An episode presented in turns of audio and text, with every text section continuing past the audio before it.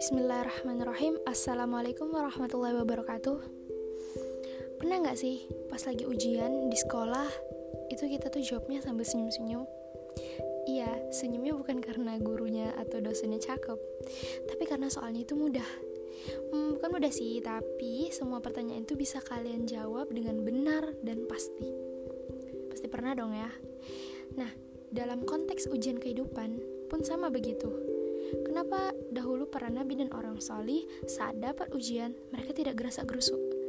Ya karena beliau-beliau ini tahu jawaban dari ujiannya. Dan bersyukurlah kita sebagai umatnya Rasulullah Shallallahu Alaihi Wasallam karena melalui Al-Quran yang beliau bawa jawabannya ada di sana. Tahu kan? Yap, sabar dan salat.